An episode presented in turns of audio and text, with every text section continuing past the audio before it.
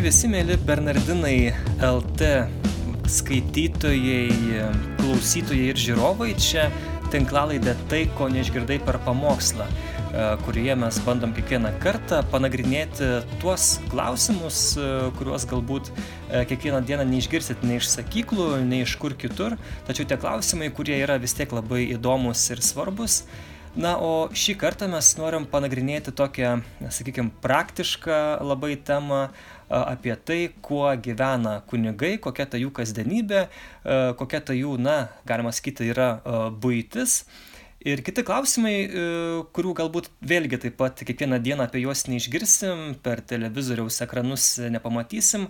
Ir tikiuosi kad jums bus įdomu kaip ir man e, šį kartą. Aš esu simonas bendžius bernardinai lt kol kas dar vyriausiasis e, redaktorius ir religijos temų redaktorius. Šią tinklalaidę remia liet spaudos radijo ir televizijos rėmimo fondas. Ačiū fondui kaip visada na, o mano pašnekovas tai yra Šiluvos švenčiausiosios mergelės Marijos gimimo parapijos vikaras kunigas Robertas Urbonavičius. Sveikas, Robertai. Sveikas, gyvas ir sveiki gyvi. Aš Robertai tave kreipsiuos tu, nes tiesiog nepaslaptis esam geri pažįstami ir uh, mus vienyje turbūt nemažai dalykų. Vienas iš jų yra katės ir štai dabar šiek tiek girdėjau pas tave kniaukė uh, augintinis ar augintinė, tai gali šitą gal papasakoti trumpai apie savo šitą meilę katėms. Labai teisingą meilę beje. Slapta meilė katėms. Tai gal ta meilė turbūt atsirado, sakyčiau, ne, ne iš manęs paties, gal pirmas žingsnis buvo, bet turbūt iš Dievo, dievo apvaizdos, nes Ukmergė mano pirma parapija ir, ir viena ten tokia parapijietė, jinai augino daug kačių, nes, na, kaip, kaip sakot, provincijoje ten jeigu kiek, kiek veda, tiek ir, tiek ir laiko ir paskui reikia kažkur iškaišiot, kad nereikia, kaip sakant, į prūdą mes vis tiek nuodėmė. Tai, tai mhm. man vis grasino, kad aš tau padovanosiu, sakau, man nereikia jokių kačių nieko. Bet jinai manęs neklausė, emancipuota buvo moteris, tai vieną sekmanį po mišių vakarė pareinu, žiūriu, kažkas iš, iš virtuvės ateina, kačiuką įmetė man, kadangi ten, nu, ten darželį gyvenau, tai būtas nerakytas, tai įdėjo ir patai va taip ir tas, sakyčiau, katinas mane pasirinko Tai čia buvo tas pirmasis mano katinas, kuris dabar pas, pas tėvus mano, kaip sako, kai vaikam nusibosta, tai tėvam atiduoda viską. o šitas irgi dabar šilovoje atėjo per, per vieną parapijietę, tiesiog gal, nu, ta, tas jau poreikis buvo tos, nu, vis tiek kaip, kai pabūni su katinais pačinai jau pri, jie tave pririša prie savęs. Tai galvojau, ar katinas, ar šuo, nu, šuo gal iš vienos pusės reikalauja daugiau atsakomybės, nes turi keltis pavedžioti ryte vakario, o man ryte keltis labai sunku. Galvoju, žiemą reiks šiai vedžioto. Ir katinas tuo žavus, kad jisai, nu, kad tiesa visada yra dviejopi dalykai, ta, kurie auginat. Ir tu, Simonai, tu turbūt turi tai žinai, kad jos gali čia vieną akimirką ateit glaustytis, murkt, o kitą akimirką tau kandžiot ranką ir buvo didžiausia priešų. Tai tas na tas jau toks ir paslaptingumas, ir, ir kartu nepriklausomumas. Tai yra, kad sako, kad žmogus katės nepriaukino, neprisijaukino, jinai tik leidžiasi būti. Tai tas laikymas vienu, bet to yra, tai yra, kad gyvybė yra, nesi visiškai vienas, o iš kitos pusės tai yra įdomu. Įdomu turėti turėt gyvūną, ypatingai katiną, matyti mhm. jo tą elgesį ir visą kitą. Tai va. Aš pas dėję neauginu katino, aš auginau vaikystėje, turėjau, turėjau jį būte, joniškai auginau, bet šmikis paspruko vieną kartą ir nebesugrįžo. Bet e, viena iš svajonių yra gyventi, gyventi name, turėti savo kiemą ir viena iš priežasčių, kodėl aš to noriu, kad galėtumėm auginti katiną. tai, tai daug dievė, kad nors išsipildys. Um, gerai, um, aš džiaugiuosi, kad nemažai sulaukėm, kai aš anonsavau šitą mūsų uh, tinklalaidą. Uh, Jo, matei, sulaukėm nemažai uh, Facebooko vartotojų klausimų, tai ačiū, ačiū Jums tikrai už tai. Ir galim gal pradėti nuo Brigitos klausimo uh, ir tada pamatysim tą pokalbį toliau uh, plėtoti. Ar kunigui Robertui teko atsiklausti savo valdžios dėl interviu? Ar sulaukė patarimų, kokių temų neliesti? šitą skaičiau Facebook ir tai, nežinau, kaip Brigita įsivaizduoja, kad, kad gal nu, vyresnybė yra kaip inkvizicija, kad reikia atsiskaityti kiekvieną, nu, kiekvieną darbą savo, tai, tai ne, tikrai ne, nekalbėjau ir manau, kad tai nėra, nėra būtina, nes, na, aišku, jeigu ten kažkur eitumė kokią nors laidą liet, e, kokią nors televiziją valandą surūta ar kažkur, tai galbūt reiktų atsiklaus, bet, bet man, nu, noriu pasakyti, kad tikrai yra ta, ta laisvė ir, ir bažnyčia yra laisvė, vis dėlto yra savotiška. Tai, tai tikrai neatsiklausiu, nes, nes kaip ir pats, pats pasakė, kad čia bus toks laisvas neįpareigojantis pokalbis, tai, tai bet jeigu ką, tai jeigu suspenduos, tai tu, tu būsi kaltas. Aš kaltas. Gerai. Tai bet, na, tik norėjau pasakyti, aš... kad tikrai ne Taip. viskupai kunigų kiekvieno jų žingsnio tikrai neseka ir tikrai nereikia rašyti ataskaitų kaip KGB ar kažkam, kad ką aš dariau. Tai, mhm. tai. Bet aš esu kunigų, iš kunigų girdėjęs, kai kurių, kur norėdavo galbūt Lietuvos radijų pakalbinti, kad aš turiu atsiklausti vyskupo, aš, aš čia taip negaliu, nes gal čia yra ir vidiniai tokie dalykai, kiti gal, nežinau, labiau gal susivaržo ar labiau bijo vyskupo, kaip tu manai? Gal, gal manau, nu, priklauso nuo temos, jeigu ten kokia nors karšta tema, kad, pažiūrėjau, ten parapija kažkoks skandalas ar, ar su to kunigu skandalas ar kažkas, tai, nu, manau, viską bai turi žinot, nes mm, čia, manau, taip ir mus mokino seminarių ir, ir ta praktika, manau, yra, kad geriau tada vis tiek, kad neprikalbėt, žinai, ko, nu, kaip sakė, nes vis tiek tu mhm. kartais ne, neturi tos kompetencijos ir, ir ne, gal ne visų žurnalistų tos intencijos kartais būna geros, nu, nori sužinoti tiesą, tai visada pasitarti yra geriau, bet, kaip sakant, tuose paprastose dalykuose, manau, tai tikrai nėra, nėra tokios būtinybės. Gerai, bet uh, kunigas, jis pagal, m, jeigu aš gerai suprantu, jis turi paklusti savo vyskupui. Na, vyskupas yra kaip apaštalų įpėdinis, ganytojas, jis atsakingas už savo viskupiją, už savo tą kunigų esančią ir parapijų bendruomenę. Uh, Ar tas paklusnumas jis privalo būti visada, visais atvejais, tarkim, na, aš bandau įsivaizduoti, ar ne, pavyzdžiui, lieptų atvyskupas Išmest katę. Išmest katę arba kokį nors plakatą pakabinti ant bažnyčios durų, kad štai roko muzika yra neleistina krikščionims, šetoniška ir panašiai, panašiai. Tu gal sakytum, nu ne, žiūrėkit, yra ten, yra kiti duomenys, yra kiti argumentai, bet viskupas lieptų ne, vis tiek tu tai padarysi. Ir tu tada turėtum padaryti, paklusti visiškai viskupui. Ir, nu, pirmiausia, aišku, tai čia yra kas susijęs su parapija, sakytume, baš, ar, nu, šiuo atveju plakatų kabinimu, tai aišku, tai yra, pirmiausia, turėčiau būti klebonas, nes klebonas yra atsakingas už viską, kas parapija, tai, bet manau, tai... Nu, tarkim, būtum klebonas taip, ir tai tau lieptų. Jeigu tai yra, sakytume, visom parapijom liepiama, taip, nu, tai yra taip paklusnumas, nes, kaip sakant, patiki tuo, kad viskas mato geriau. Asmeniškai gal tau patinka ta roko muzika, bet, sakytume, dėl tos bendros tvarkos, kurią gal viskupas mato, kad kažkokių saugiklių, kurie, manau, vis tiek išdėsto tuos, kiekvienas viskupas išdėsto tuos, kodėl taip reikia daryti, tai yra ta. Tai paklusnumas yra bendra, tiesiog tas nusilenkimas bendrai tvarkai, kad tu, tu kaip kunigas, aišku, turi asmeninę nuomonę, bet, bet kaip, kaip to, sakytume, aparato, nu, jeigu taip galima kalbėti biurokratiškai, aparato ar mechanizmo dalis, taip tu turi turėti pagal tą bendrą liniją, tai yra, tas, nu, yra to paklusnumo dalis. Ir, Nu, Bet jeigu tu... tu taip, taip, tai sakyk, sakyk. jeigu tu, tarkim, čia aišku, tokį pavyzdį gal banalų pateikiau, bet gali būti ir kitokių, ir galbūt yra, kur sakot, pažiūrėjau, liepia kunigam, kad jūs nekalbėkite apie tai, jūs dabar darykite tai ir tai, kas, ta, tarkim, tu grinai matai, kad prieštarauja tavo sąžiniai ir, ir ne tik sąžiniai, bet ir na, tam suvokimui, kas yra krikščionis, kas yra kunigas. Pavyzdžiui, mes žinom, kad net ir karo atveju, kad ne visada privalo klausyti kariai savo na, vadovų tiesioginių, jeigu mato, kad tai prasilenkia su karo etika ar, arba, ar, arba su sąžinė. O kaip šituo atveju? Negi visiškai čia rankos surištos ir tu negali elgtis pagal, tarkim, Dievo valią, jeigu tu matai tikrai, kad, kad ta tiesa yra būtent tavo pusėje.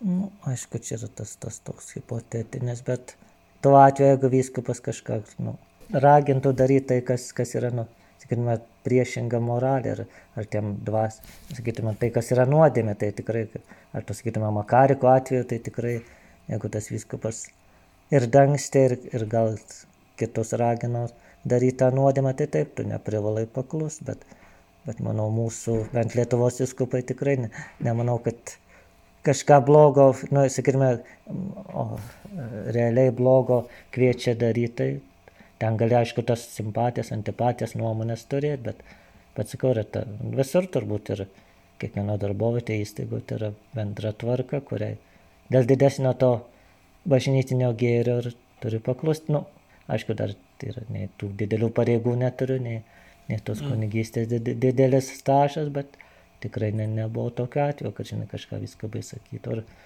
ar siūstų ir kas kad ne, ne, taip nedarysiu. Tai, tai, tai, tas, tas, nu, tu tiesiog supranti, kad nu, jam yra atsakomybė patikėta vyskupui už tą dalinę bažnyčią ir jeigu kažkas, nu tikrai, jeigu vyskupas klysta, tai bus ta atsakomybė jam. Jeigu tai nėra, sakytume, moraliniai dalykai prieš mano, prieš mano sąžinę, o ten ar patinka ar nepatinka, sakytume, kokį.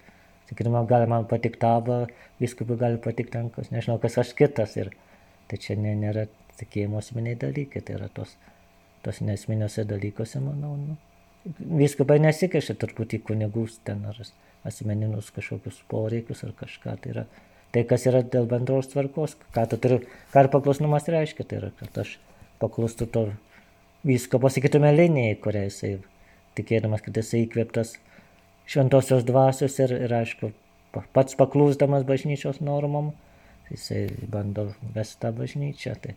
Tu paminėjai simpatijas, antipatijas. Ar yra vyskupas, tu gali neminėti jo, na, pas kurį tu tikrai net, nenorėtum uh, tarnauti? Lietuvoje turiu menį.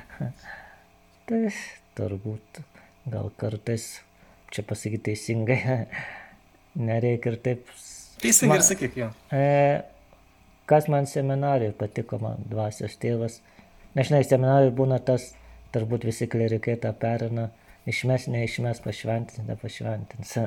Aš žinau, čia tokia lyga yra profesinė.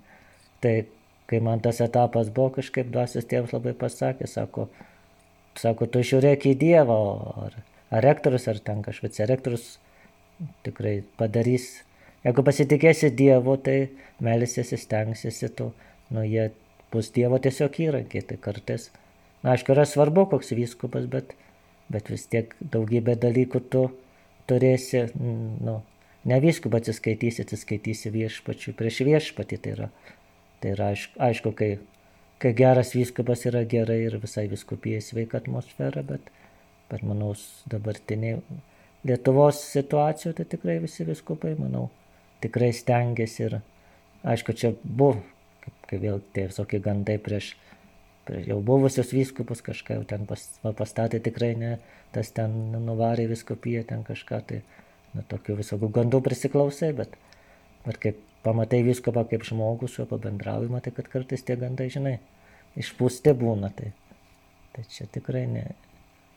Tikrai, tikrai, manau, nėra, nėra kažkokios tokios baimės, kad va pas šitą, ne pas ananę, nes vis tiek vieš, viešpats yra svarbiausia, viešpats pirmoje vietoje. Tai, Ne dėl viskopo pasirinkai kunigystę, ne, ne dėl viskopo tu esi kunigas. Tai ta, manau, ta, mane tas visada guodžia ir stiprina ir manau, tą visada reikia atsiminti, mums kunigam ypatingai. Ar ypatingai krikščionim, kad kartais matom tos skandalus bažnyčioje, kaip čia kunigas galėjo pasiekti, kaip čia viskopas galėjo, ar kardinolas kaip čia galėjo pasielgti, bet, nu, tai yra, yra skaudu, bet, bet vėl, vėlgi bažnyčia yra Kristaus. Tai, Tai man tas, kaip, žinai, gal kaip bažnyčios tėvai vadina bažnyčia, tai yra ta šventoji kekšė. Tai. Ji bažnyčia mm, šventa dėl Kristaus.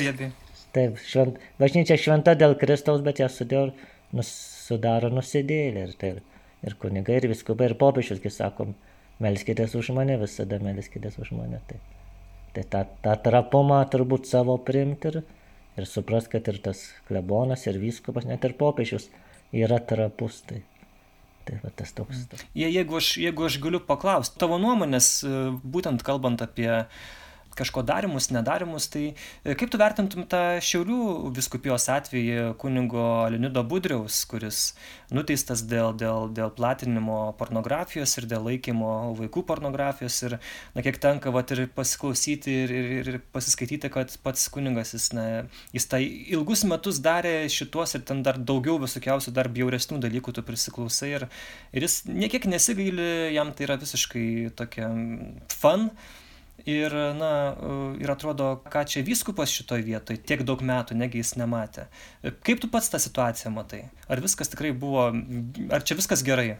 E, iš vienos pusės, žinai, man tas, tas šokas buvo, sakytume, ne, nepradedant ne nuo vyskupo ir ne nuo, ne, nuo to asmens, bet nuo, nuo kitų kunigų, jeigu jiems, nes jisai ten siuntinio apie 60 ar kažkiek žmonių tas visas nuo pornografinės nuotraukas. Mhm. Ir jeigu tu esi kunigas ir tau atsiunčia vieną, antrą kartą, nu, aš tikrai gal, jeigu nuolat siūstų, tikrai nuait gal pas viską pasakyti, va, čia gal pakalbėkim su to kunigu, nes va jisai siuntinėja man, girdėjau, kad va ten mano kolega iš to kaimo siuntinėja, nu, tikrai kažkas negerai, tai žinai, gal čia iš vienos pusės, ką, ką bažnyčia turbūt viskupai gauti, nesu vyskupas, tai, bet bandau įsivaizduoti, jie turbūt gauna tas krūvas skundų apie visus kunigus ir apie bet kurį, tai ten gal netai pažiūrėjau, ten negyvena parapijoje, ten parėjau su kokia nors parapijietė, su už rankų susėmęs, nu, sakytume, tūkstantis. Bet apie Aleonidą sako vyskupas Bartulis, kad nebuvo nei vieno skundo, netgi anoniminio. Tai, tu gali įsivaizduoti. Tai, tai va, to, to tikrai nežinau, nes sakau, šiaip ta fama, gandai apie jį sklido visada net. Net ir aš, kai buvau parengiamam kursė vis, kad va čia šitas jisai tai toks keistas, berniukus, nu, jaunuolis mėgsti, nes važiuoja į Ameriką, ten visų kitų sūnėnų, nu, manau, tikrai turėjo ateiti iki vyskupo tie gandai ir tu, nu, ypatingai tuo, nu, žinai, ten kažkokiais kitais smulkiais atvejais gal nereikia kreipdėmėsio, bet kas ypatingai liečia su, su, su seksualumu ir ypatingai su tais nepilnamečiais, tai manau, į bet kokį skundą reikia reaguoti. Gal tas, nu, ką, ką ir popiežius, ir ką ta, apskritai tie, kurie susiję su tais, nu, tyrimais, pastebėjau, kad tas bažnyčio galbūt tas toks, nu, pro pirštų žiūrėjimas, nu, tai yra gal ne, ar nenorintų dalykų tirti, ar, ar jų nesureikšminant. Čia ne tik, ne tik Šiaulių skupė, bet nu, tas buvo visur. Ir, ir ką dabar tas Makariko skandalas parodo, kad tiesiog buvo įprasta ar užsimerkti, ar ne, ne, nesureikšminti, ar net nežinau, kodėl tas buvo. Nes... Tai priminkim kontekstą Teodoras Makarikas, buvęs jau kardinolas ir arkivyskupas e, Junktinių valstijų pilietis, e, dvasininkas, Jis ilgus metus išnaudojo lytiškai tiek ir saugusius vyrus, tiek ir, ir, ir su nepilnamečiais taip pat tų kaltinimų. Ir ilgus metus e, teigiama, kad Vatikanas tik girdėjo tuos kaltinimus, tačiau nesimė priemonių, nežinojo galbūt tų tikslesnių. O, Nu, įvairiausių dabar tų, tų versijų yra, bet, bet ataskaita Vatikanas pats patikė ir pripažino, kad tikrai nebuvo imtasi visų priemonių, kad na, laiku laiku nebūtų už, užkirsta kelio tokiem baisiem nusikaltimam. Tai va, aš manau, kad ir, nežinau, kaip ten šiaulių kuri ir pats vyskupas, žinai, ne, negaliu spręsti, bet bent, bent įsivaizduoju, kad tiesiog jeigu jisai tas, tas Alionidas neįgė tos dalykus ir nu, nepagautas, aišku, nevagis, tai neįlys į kunigo telefoną, tai manau tiesiog buvo pasitikima, kad čia gal kokį apkalbos ar šmeištai, nu, Žodžiu, gal, nu, kadangi Lietuvoje tos praktikos vėlgi nėra tos praktikos, tai manau, kad tiesiog buvo pasitikėta ir aišku, aišku pražiūrėta. Tai, tai manau, tų tokių atvejų yra daug. Gal, galbūt čia daug kalties ir tiem turbūt, kurie, kurie tą žino ir kurie to ne, nesak. Tiesiog ne, neduoda signalo vyskupui, kad va, kažkas negerai su tuo kunigu. Ar, sakau tikrai, nu, kaip minėjau, kad jeigu jisai siuntinio 60 žmonių ir nežinau, ten ar visi kunigai buvo, ar, ar ne kunigai buvo, tai negi iš jų neatsirado ne, ne vienas, kuris, kuris tikrai būtų sakęs čia negerai ir einu kalbėti su vyskupu, ar bent su kokiu kancleriu, jeigu su vyskupu nenoriu, kad alio kažkas tai va, tai, Dainius Matiukas, Rokiškio parapijos vikaras, vėlgi dabar teisės sauga, būtent posvietinė teisės sauga jį susekė, būtent jam irgi siuntė Leonidas Budrius e, pornografinį turinį. Ir, ir dabar vėlgi, e, vėlgi ten ir tos vaikų pornografijos rasta visą kitą. Ir, ar gali būti, kad vėlgi tokias kalbos, kad čia yra kunigų tam tikras net ir na, tinklas Lietuvoje, kurie tuo užsijima ir galbūt žino apie tai viskupai, galbūt ir nežino, tačiau tai yra rimta problema. Ką, ką tu pats, kokias tavo būtų mintis? Tai žinai, žinai aišku, tie gandai ir tos samokslo teorijos, aišku, gali, nu, aišku, visokios išgirdęs ir, ir, ir būnant seminarijoje, ir visur kitur, žinai, tas būdavo mada tos gėjų sąrašus sudarinėti, sakau. Bet, Rimtai. Ne taip, nes čia kai kurie žmonės Ne, tai, tai, tai gėjus, gėjus jis gali taip, būti kunigu, net ir nepraktikuoja, bet, nu, taip, jeigu nepraktikuoja šito, tai viskas tvarkoja. Bet čia turime menį tuos, kurie piktybiškai, kurie... Ir, tai, jo.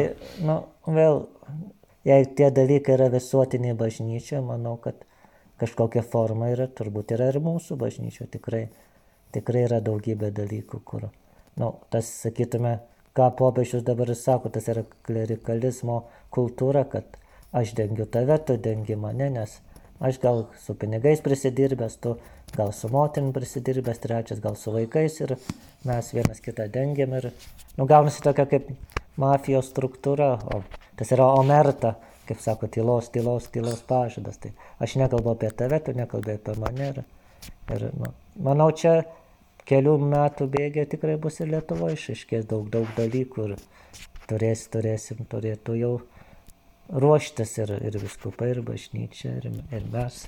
Tikrai, tikrai paaiškės tie dalykai. Tai. Bet gal gerai, bažnyčia turi apsivalyti. Galim ruoštis tokiam, nu, sukretimui? Taip, nes jeigu dabar Lenkijoje matoma yra, tai tikrai neturim galvoti, kad čia Lietuva yra Marijos žemė ir visi šventieji ją sudaro. Bažnyčios tie dvasininkai ypatingai tikrai ir teko nu, pačiam susidurti su tais asmenim, kurie pasako, kad nu, buvę klerikai, kad vaikystė buvo išnaudoti klebonų ir dar kažko, tai manau, tie, tie dalykai tikrai yra, tai gal, gal slepiama, gal dengiama, gal nenorima ir gal tas lietuviškas charakteris mūsų, žinai, nieko ne, neviešinti ir nie, niekur ne, neit. Tai tas, bet manau, kad turėtų, turėtų ir Lietuva atėti ta banga.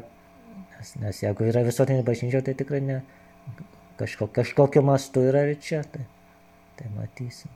Kodėl taip yra bažnyčia apskritai tokie dalykai? Žin, aišku, tos pedofilijos jos yra turbūt žymiai daugiau, aišku, čia sunku suskaičiuoti gal, bet jos yra ir šeimose, yra ir, ir mokyklose, ir, ir, kur tik nori, ypač tam, tam pačiam užsienį.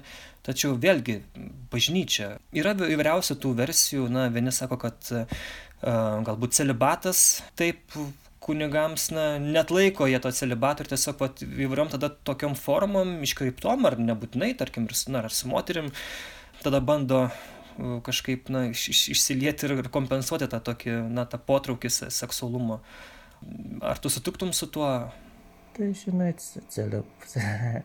celibatas kaip turbūt platus kaip visa tai yra tas, į tą savoką viskas, nu visos bažnyčios problemos sukūriamos ant, ant celibato. Turbūt galvojame, kad jeigu panaikintų celibatą, atsirastų pašaukimo, bažnyčia būtų pilna ir ateitų Dievo karalystė. Turbūt na, nėra taip realybė, žinai, kad viena kažkokia, vienas dalykas būtų visų dalykų problema. Turbūt čia nėra to vieno atsakymo. Ir kaip popiežiaus pranciškus, nu, tą klerikalizmo kultūrą pabrėžė, aš buvau pas Benedikto XVI laiškas, tas, kad apskritai yra dvasingumo problema ir, ir tos seksualinės revoliucijos problema. Ir, nu, daug dalykų turbūt, turbūt.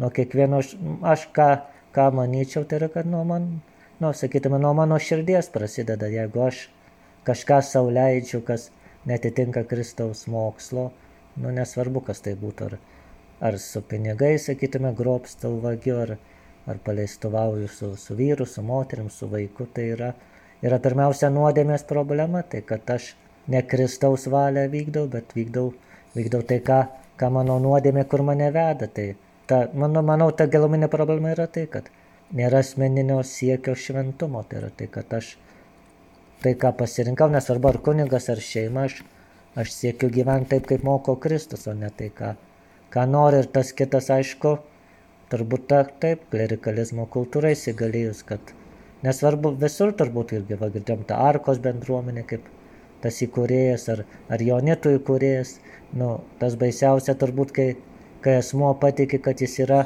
nu, kad jam negalioja bendros taisyklės, tai yra, nu, paprasti mirtingi nusideda, o aš, o aš nedarau nuodėmų, tai yra, tai jeigu aš darau nuodėmę, tai nėra nuodėmė, nes Dievas man tai leidžia, tai nu, tas labai Aš tai noriu paklausti, kaip tau pačiam tapus, tapus kunigu, jaučiasi iš parapiečio tos, kad šiek tiek iš žemai, na, kabutėse nusilenkdami su tavim bendrauja, kad jie bijo gal kažką pasakyti, kažko paklausti, kad galbūt, na, ar nėra tos pagundos, kad tikrai, kaip tu sakai, kad štai, nu, aš čia kunigas, aš čia biški galiu daryti valdžią ir tas santykis toks gaunasi, toks pavaldinio ir, ir valdovo. Tai yra tas gal tos kartų reikalas, tai yra, na, tos vyresnės kartos, sakytume, tos suformuotos smetoninio idealo, ten tų visų, kažkur nuo, nuo 60 metų, sakytume, taip, tai tikrai yra tas, tas pagal, nu, gal neblo, ne klerikalizmas, bet yra ta, kai buvo mokytas, žinau, kad jau, nu, kunigas vis tiek yra tarsi angelas, tai ta natūrali pagarba jam yra, ir, bet manau, nėra tas blogai, yra blogai, kai mes tą, mes kunigai to piknaudžiavam, nežinom, kad va, ta moteriškė ar tas ta mo, močiutė ten kunigėlių viską atleisti, kunig, kunigėlį myli, nes kunigėlis šventas ir, žinai, to, aišku, to pradeda piknaučiauti. Jaunesnė karta tai, na, natūraliai žiūri tėvą kaip į žmogų, į žmogų, kuris esi kunigas. Tai yra tavo, tavo toks, sakytume, nu, ne prof, nu, profesija, sakytume, kabutėse, tai yra, nėra to tokio sudievinimo, kad kažkas, kad esi jau vien dėl to, kad esi kunigas, jau esi išskirtinis. Tai, Tai turbūt to mentaliteto klausimas yra ir aišku, ir nuo tavo paties elgesio tikrai, jeigu, na, aišku, tie lūkesčiai visada turbūt kunigų yra keliami didesni ir galvojame, kad kunigas yra ir, ir šventesnis, bet kai bendrauja artimiau su žmonėm, kai tas atsiranda, kai tave jau ne priima ne kaip kuniga, sakytume, kuris, ir, kuris ir, yra Robertas, bet Roberta, kuris yra kunigas, tada tas viskas normaliai sustoja į vietas, tikrai pamato, kad kad ir kunigas yra žmogus, tai, tai viskas nuo, nuo tų abiejų pusių visada, manau, priklauso. Ko, ko tu nori iš žmonių ir, ir ko žmonės, aišku, nori iš tavęs. Tai. Kalbant apie celibatą, kad nepamirščiau, vis tiek čia tokia, kaip ir minėjai, labai aktuali tema. Privaloma. Privaloma, taip. Ir ačiū, kad tu apie tai kalbi, iš tikrųjų. Paulius Facebook'e rašė, man visada įdomu, ką kunigai galvoja apie celibatą.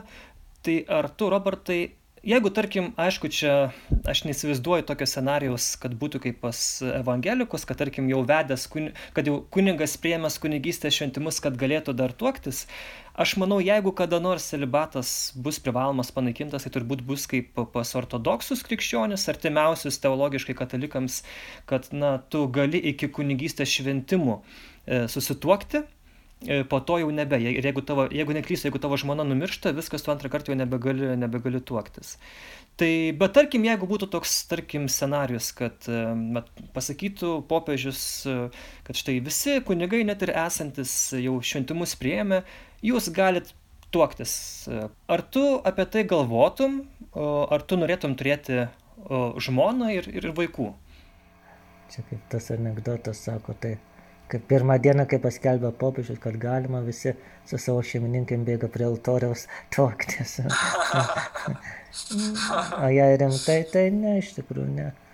Kiek, kiek žiūrėjau, nu, ir šeima yra pašaukimas iš tikrųjų, kaip ir ką turbūt celibato tie klausėjai, gal ir priešininkai neįsi, nu, nesuvokė, kad, kad ir šeima, yra, ir šeima reikia turėti pašaukimą nu galvojame, kad pašaukimas yra tik kunigystė, nu vienuolystė, o šeimai tai ką, susipažinai, susi, susikūrė ten, kad galėtum, sakytum, o, užsimti legalių seksų, kaip aš kartais juokauju, nes tik tai santokai ne, nenuodėmė, tai nuo žodžius suėjom, sukritom ir šeima, bet tie, kurie gyvena šeimo ir pats galėtum paliūdyti. Ir, ir man tenka bendrauti su, su jaunom šeimom, tik, kad tai tikrai yra didžiulis darbas, didžiulis abiejų asmenų asmenų kelionė tuo tikėjimo keliu ir, ir kelionė per tas visokiausius iššūkius. Tai, tai tikrai aš, aš šeimai pašaukimo neturiu, nes galvoju tikrai, nu, vien tik iš praktiškų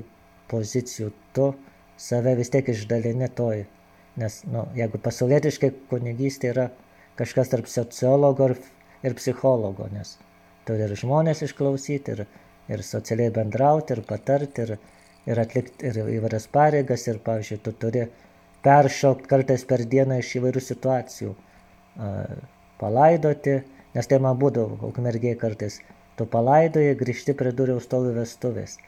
Ir turi jungti nuotaiką, ir turi, turi persikrauti, ir žinai, tu grįžti vakare. Gali sakyti, kunigas yra jau paš, pašvestas, bet tas niekur nedingsta. Ir psichologinis nuovargis, ir, ir įtampos, kurios tau, ir jeigu dar tu turi bendrauti su žmona, su vaikais, tai e, aš sakyčiau, turbūt po trijų savaičių pabėgčiau nuo to žmonos ir to, vaikų. nu, nes tai yra pašauk, iš tikrųjų taip, yra šeima pašaukimas. Ir, Ir aš net sakyčiau sunkesnės pašaukimas negu kunigystė. Nes kunigystė tu ką, tau, nu, kažkas nusibodo, ten žmonės įgryso, tu ką pareini, atsiguli gali išsimiegoti, už, išjungti telefoną kaip sakant, atsijungti. Šeimoje ką tu pareisi, ne tu. Susipakai su žmona, vis tiek gyveni vien, vienam būte, turėsi pradėti kalbėtis. Vaikai tau ne, tikrai neleis palisėti, kada tu nori, ir, nes jiem reikia dėmesio. Tai yra ta, nu, tas, tas tikrai kartais kai sureikšmina tą celibatą ir tą kunigo gyvenimą, šito klausimo padaro auką, tai sakyčiau, tai yra fake, fake news. Tai ne, tikrai nėra jokia auka. Tai, nu, tai aišku, tas litiškumas veikia, bet tai nėra, sakytume, tie būtini dalykai. Jo, aš jau norėjau paklausti, tarkim, na, žmogiškai, biologiškai, sakykim, Uh, tu matai gražią moterį ar ne ir, ir natūraliai tiesiog nekyla nuo minčių, kad, o, vat, gal būtų vat, visai fainiai, kodėl gal, nu, žinai, normalios žmogiškos abejonės, negi tokių nebūna. Abejonių gal nebūna, bet, na, tas būna, sakytume, nu, taip, ką, nu, kaip pavadinti, nežinau, teisingai čia moksliškai tas, ar hormonai veikia, ar tas visakė, nu, lytiškumas veikia, tai aišku, tas, nu, patinka, pas, gal pasvajoji, kaip ten būtų, jeigu būtų, bet Nu, bet tai vėlgi yra svajonės. Nu, mano ir vedęs vyras pamato ir, ir gražią kitą moterį ir kažkokios užplūsta mintis, kad čia va kaip čia būtų, bet, nu, tu, yra, yra re, realybė ir, sakytume, virtualybė. Tai tu, nu, tiesiog, sakytų, ne, nesileidi tų minčių ir tiesiog gyveni. Bet sakau, kaip nėra, tikrai nėra tai, kad, žinai, ten ateitų ir verktum, galvotum, kaip čia reikia šeimos, kaip čia, koks aš nelaimingas, nes, nes, nu, tu pasirenki, tai yra, gal problema, nežinau, ką, ką žmonės klausdami apie kunigą, apie celibatą, kaip jie įsivaizduoja, tai, nu, kad tu ateini į seminariją, tau nieko nesakoma, gauni šventimus, tada ateina viskupas pasako, žinai, sorry, bet tu neturėsi sekso niekada. Na, tu jau prieš, jeigu tu esi normalus ir protingas žmogus, prieš stodamas į seminariją jau žinai, kad viena iš sąlygų būti katalikų kunigu, tai yra, kad tu ne, neturėsi sekso, nebūsi vedęs. Tai yra septyni metai, kada tau skirta apgalvoti. Tai, tai tikrai per, to, per tuos seminarijos metus, manau, tu tikrai save pažįsti, kad ir tikrai daug išeina, išeina. Kodėl tiek daug išeina? Nes tikrai pamato galbūt, kad tai yra, kad to negalės, kažką nori klausti. Gerai, bet jo noriu klausti, bet E, gerai, bet yra ir, ir dalis kunigų, kurie, na, kurie ir pasiduoda tai, kaip sakai, virtualybė ir neria tą kitokią realybę. Turiu omeny, kad štai ir, ir meta kunigystę dėl, moters ir gal, aišku, gerai šituo atveju, jeigu ypač vaikų yra. Ir tavo ukmergės klebonasgi irgi, jisai apsisprendė, kad jis, jis nebenori to dvigubo gyvenimo ir jis tiesiog pasirinko moterį su, su, su vaikais. Bet uh, kodėl vis tiktais e, kiti, na, kunigai, jie ir, na, eina pas, pas tas moteris ir, ir, ir gyvena tos dvigubus gyvenimus. Taigi jie, kaip ir sakai, jie turėjo daug gražaus laiko apmastyti viską, suprasti, ar čia jų pašaukimas ar ne jų, ir, bet kodėl yra kaip yra. Tai, matai, iš vienos pusės, manau, tai vėl, na, jeigu sakykime, įstatymo laužimas yra ne įstatymo kaltė, bet tas, kuris laužo tą įstatymą. Sakykime, jeigu... Taip, taip, taip. Kodėl, kodėl žmonės būtent tavo manimu, visi gal jūs kalbatės tarpusavėje su, su kunigais apie tai, aptarė tokius dalykus, nežinau. Taip, taip. Kodėl taip atsitinka? Suprantu, suprantu, tai yra, nu, manau, paprasti dalykai. Tai yra, iš vienos pusės taip, kaip, kaip tu sakai, kaip aš sakiau, nu, nepabėgsi nuo to savo lytiškumo. Tai yra, e, celibato davimas nereiškia, kad tu tampi eunuchu fizinė prasme, tai yra, kad tau neturi netų geismų, netų viso kito, tai ir tie dalykai išlieka, bet tai iš kitos pusės vėlgi tai, ką tu savo, manau, tai, ką tu savo leidi, nes, nes vis tiek atsiranda ten gal kokia parapijietė ar vargonininkė, žinai, tu, ir pradedi ten, iš pradžių nekaltai draugystė, tiesiog malonu pasišnekėti, yra smagu ten. Tai yra nieko blogo turėti draugysčių, tai net ir su moterimis, nes visi esam, tikrai esam Kristaus pašaukime, tai bet, bet ką tu leidi, nes, nes tai yra labai lengva, manau, visur ir bet kuriuo atveju, ar tai būtų tos pačios pedofilijos problemos, tai yra ką tu savo leidi, jeigu tu, tu nenusistatai tų ribų raudonų, už kurių, kad ne, negalima, kad jeigu, nes jeigu pradėsi su, pažiūrėjau, su, nu, sakytum, organininkę laikytis už rankų, ten paskui apsikabinsi, kad ten gera, paskui tada kitas, kitas galbūt eis ir pasibučiuosi, gal nes čia nieko tokio liūdna ir, nu, nuo mažų, nuo mažų žingsniukų prasideda, tai, tai manau, čia yra nuo to, to kunigo, kad jis kažkur tas, ar savo liūdėsi, ar savo, nežinau, kažką ieškojo, ne, ne, ne, ne, ne, ne, ne gal kalbėti su broliais, ar, ar pasimti rekolekcijų, ar tikrai melstis daugiau, nes tai man bent, aš bent tai manau, kad tai yra susiję. Kuo mažėja tavo kaip kunigo asmeninės maldos, tuo, tuo daugiau tų, tų pagundų atsiranda. Tai, Tai tikrai manau, čia tas yra mano, mano apsisprendimas. Nu, ar aš plėtoju tą jausmą, nes, nes tikrai kaip ir yra daugybė liūdimų, kurie, pavyzdžiui, nepaliko nei, nei kunigystės, nei vienuolystės, ne, pavyzdžiui. Skaičiau vieno vienuolio, sako, įsimylėjau, ten man buvo blogai ir tikrai galvojau, kad čia nu, Dievas apleido, kodėl, bet sako, tas, tu, tu neduodit savo eitą įgą, kuri, žinai, kuri nuves į, į tą, nu, kur, nu, kur normaliai nuveda, bet, bet ar, ar tiesiog meldiesi, ar kenti, ar kažką tas praeina. Man ir aišku, vėlgi, turbūt kiekvienas atvejis atskirtingas. Galbūt tikrai kunigas ne. Tas per seminariją negalvoju, galvoju, gal čia kažkaip praeis ar, ar kažką, bet ir, nu, manau, kiekvienam turim žiūrėti skirtingai kiekvieną atveju, bet, bet bent aš manau, kad visumoje taip yra tai, kad ką aš savo leidžiu, bet kurios, nes, nes kunigystėje seminarijų tarsi yra, nu tau iš viršaus tave prižiūri rektorius, ten kažkas kitas sustatyta regula, visa kita kunigystė tau nėra to. Tu pareisi, paukosi mišes ar ten kažką atliksi, kitas pareigas ir tu esi, esi vienas ir savo dienotką gali daryti, ką nori. Gali ten kokiam nors internete sėdėti, gali, nežinau, tuščių žaidimų žaisti arba gali priešingai kažką daryti. Rašyti straipsnius į Bernardinus ar, ar kažką daryti. Ar katinas žiūrėti, jeigu tau trūksta, trūksta švelnumo, katiną glaustyk tada. Na, aš čia vis, ką tu, kaip tu pasirinksi ir kaip tu elgsiesi, vis dėlto manau. Supratau.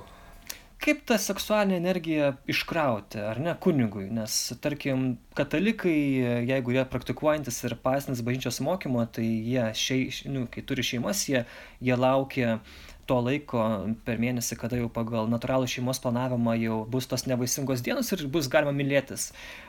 Kiti katalikai naudoja prezervatyvus, ir čia jau šiek tiek jau prieš pažinčios mokymą, bet dar kiti būna žmonės, jie masturbuojasi, visa kita. Kunigui negalima nei vieno iš tų dalykų. O, tai ką tu pats darai, kai būtent tie geismai vat, pas tave ateina? žinai, čia galbūt ir, ir, ir patarimas, žinai, kitiem, ypač, va, tarkim, jau jauniem, jauniem vyrukam, kurie, tarkim, bando gyventi krikščioniškai, dar neturi šeimos, bet, mm, taip, taip. žinai, jauni žmonės esam, hormonai, visa kita ir natūralu.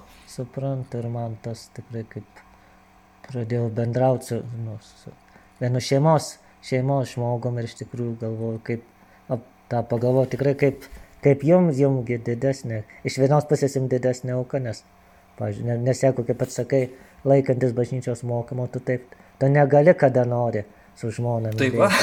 ir, bet, taip, va. Kadangi tu esi to paragavęs ir, sakytume, mėgi vienoj lovai su žmona ir, ir negali, tai ta didesnė auka, iš tikrųjų, nu, ką, jeigu normaliai, jeigu ties, sakytume, eini kunigystę, tai tu, tu patir seksualinių patirčių neturėjęs esi. Tai iš vienos pusės tas yra, yra kažkiek lengviau, nes tu nesi turėjęs ir net nežinai, nu, sakytume, koks tas jausmas yra, tai aišku, tas seksual, tada tas galbūt ir seksualumo ta veika yra mažesnė, bet iš vienos pusės tai yra, ką daryti, tai turbūt, kaip ten sako, į ugnį alyvos nepilti, tai yra vengti bet kokių, ypatingai šiais laikais, kas sunku, tai yra tų vaizdų vengti.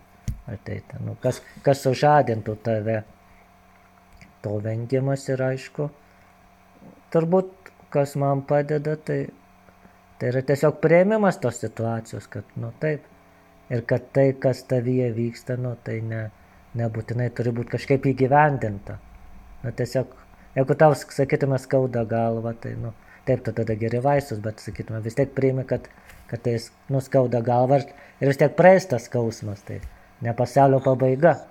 Nu, jeigu tu jaus, jautiesi ten tas, tuos geis, geisminius dalykus, taip, tu tiesiog tą, tą priimi, nu, aišku, būna ties sunkiau, lengviau, tada turi ar daugiau melstis, ar tiesiog kažką daryti arba tiesiog nubandyti visada nu, ats... Kažką daryti, tai, tai užsimti kažkokią tai kitą veiklą. veiklą kitą, bet svarbiausia, kas, nu, kas padeda, ir, tai yra atskirti, nu, čia tokie psichologiniai dalykai, padaryti tarpą tarp to, ką aš jaučiu, ko aš trokštų ir kas, aš, kas, kas aš esu. Tai yra.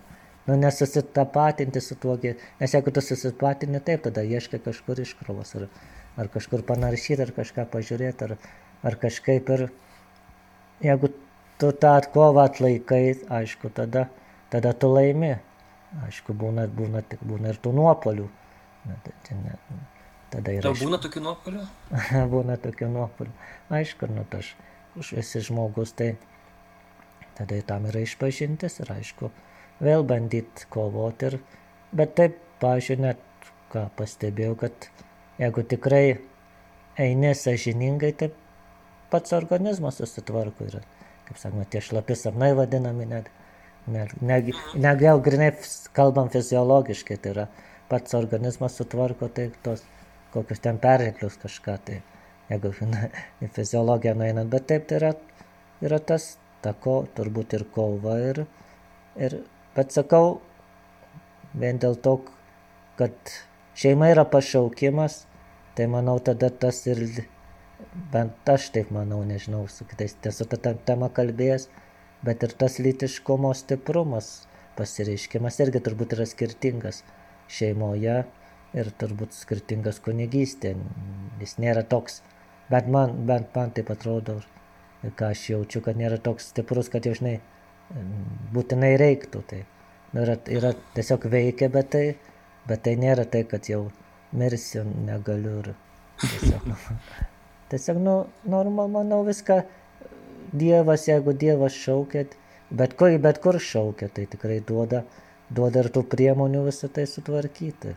Gal dabar mūsų tas kultūra yra super, super seksualizuota, žinai, kad, nu, kad tas seksualumas, lytiškumas tapo be, be ne pirmoje vietoje. Nebe maistas, nebe gėrimas, nebe, nebe kiti dalykai, bet, nu, kad būtinai turi, turi save realizuoti tame.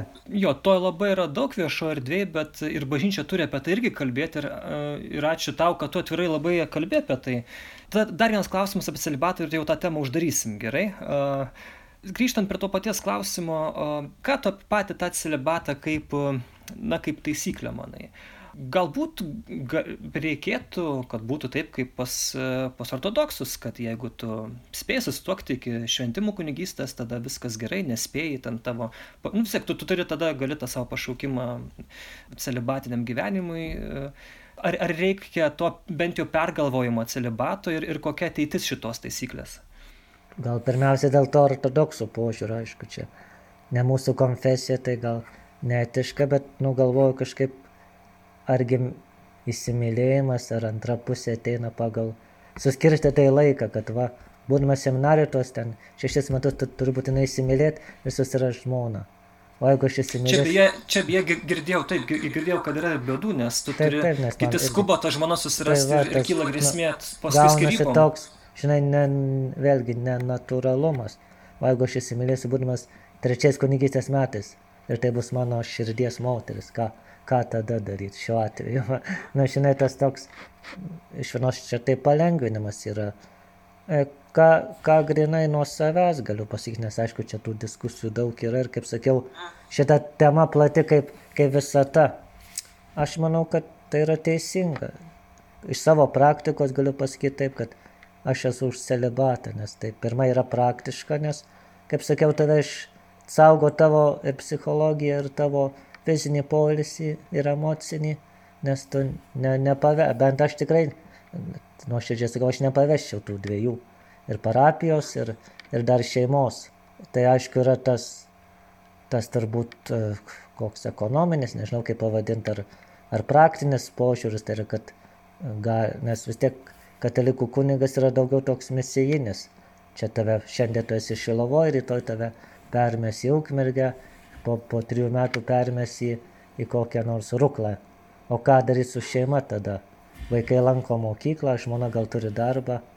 Nu, tas toks vėlgi gaunasi daugiau problemų. Šeimos išlaikymas vėlgi. Parapijos turtas tampa šeimos turtas. Nu, nu žodžiu, ir aišku, ta turbūt teo, kas mane labiausiai žavi celibate ir sužavėjo ir žavi, tai yra tas teologinis dėmuo. Ką popiežius Pranciškus sakė, kad, nu, remdamasis tuo levitų, levitų pavyzdžių, kad visos Izraelio giminės, įskyrus Levitus, turėjo savo dalį pažado žemėje. Tai yra, nu, po sklypą žemė, sakytume. Tik Levitai neturėjo, tai yra, nes jų dalis yra viešpats. Tai reiškia, kunigas yra tas, kuris šiame pasaulyje neturi savo dalies. Jis yra, nu, tarsi ženklas, ženklas tikintiesim ir ypatingai ženklas pasauliu, kad, kad yra tie svarbesni dalykai, tai yra tas, nu, dangiškiai dalykai, dangaus karalystė ir, ir manau, ką katalikų kunigystė ir traukia ir atstumia daugą, vien turbūt šimtas procentų būtų atsakymas celibatas. Tai yra. Vis tiek celibatas žmonėms įdomu ir traukia ir nesuprantama ir, ir manau labai gerai, kad nesuprantama. Aišku, turbūt reikėtų, reikėtų kažkaip seminarijose turbūt to paruošimo galbūt apie nes tikrai būdamas studijuodamas seminarijui nebuvo tokio nei, nei seminaro, nei disciplinos apie celibatą apskritai.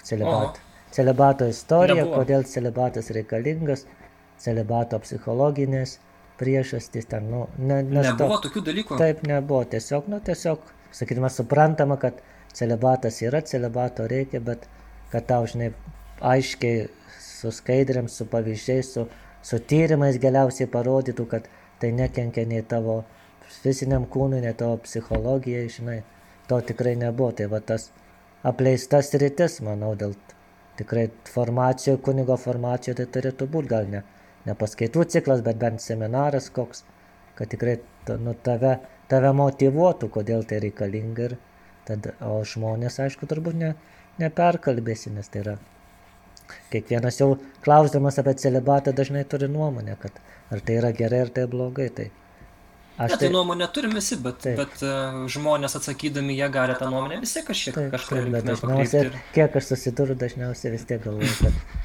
kad mes, šit, mes privalom taip kalbėti, kunigai privalo taip kalbėti, nes, nes viskupai juos verčia ir, ir jie yra vargšiai. Tai žinai, iš vienos pusės kalbėti, bet ir iš kitos pusės aš iš būčiau tame sparne, kur tikrai celibato neatsisakytų. Tai va. Mhm.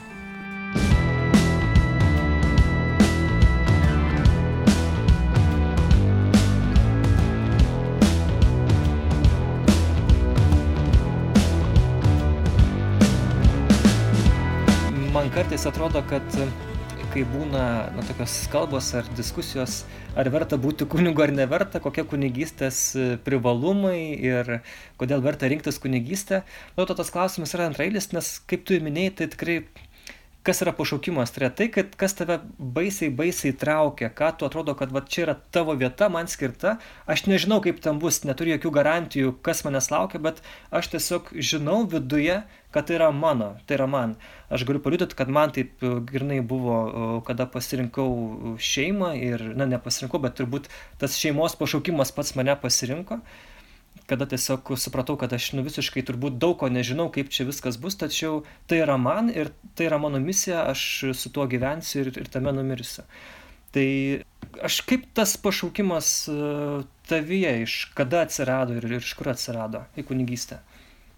Tai tu labai teisingai, teisingai pasak, apibūdinai, kas yra, kas yra pašaukimas. Yra.